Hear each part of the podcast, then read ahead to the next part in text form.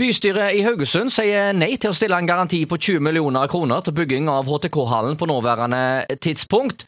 Senterpartiets representant Tor Inge Eidesen eh, trakk i debatten fram at hallprosjektet utgjorde en vesentlig økonomisk risiko, og at det derfor ikke nødvendigvis engang var lovlig å komme med en sånn garanti nå.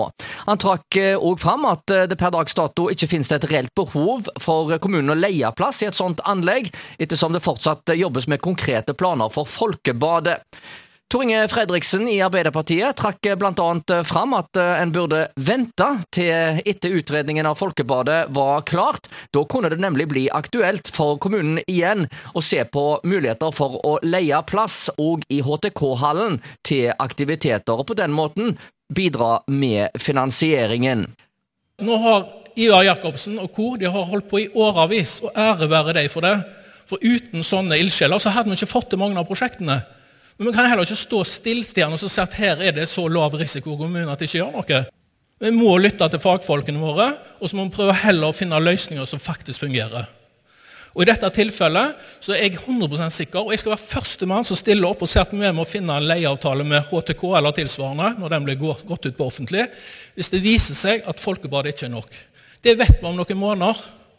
Når denne utlysningen er gjort, Eh, prosjektet er kommet fram til en eller annen bestilling eh, inn i bystyret. og Så får vi se om det blir nedskalert eller det kommer mer penger.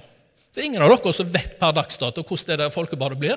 Og Hvis det da viser seg at HTK har rett, så tror jeg hele salen kommer til å ønske en løsning.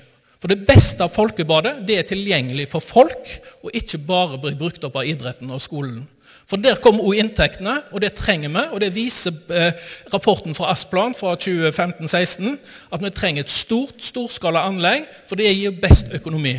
Og Da kan vi ikke booke opp alt i idretten. Så hvis, men per dags dato så må vi forholde oss til det administrasjonen sier.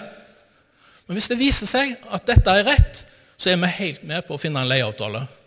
Så det er mye bedre for dette prosjektet å vente til romprogrammet er klart, budsjettet, vedtaket er gjort på Folkebadet. Da vet vi hva vi faktisk eh, eh, kan gå i gang med. Og Da får de en mye bedre start. Da får de kanskje en leieavtale som de kan søke om midler på når de går til banken. Det som eh, argumentene på opposisjonssida har, eh, har, vært i dag, det, det minner meg om eh, når du går i banken for å søke finansiering av huset ditt, så har du verken egenkapital eller særlig Du har i hvert fall ikke betjeningsevne, for du har ikke nok inntekter. Ikke gjør HTK en bjørnetjeneste. Vent til vi vet hva folkebadet blir. Så kommer vi kanskje i en situasjon hvor vi kan få til begge deler med et flertall fra hele salen. Og sånt eh, ligger det òg an til å bli. Det blir altså nei til denne garantien på 20 millioner kroner fra Haugesund kommune til HTK-hallen eh, foreløpig. Og så får en søke på nytt når mer er klart. Det er i hvert fall beskjeden fra bystyret i Haugesund. Det var altså representant Tor Inge Fredriksen eh, vi hørte fra talerstolen i bystyresalen i Haugesund i går.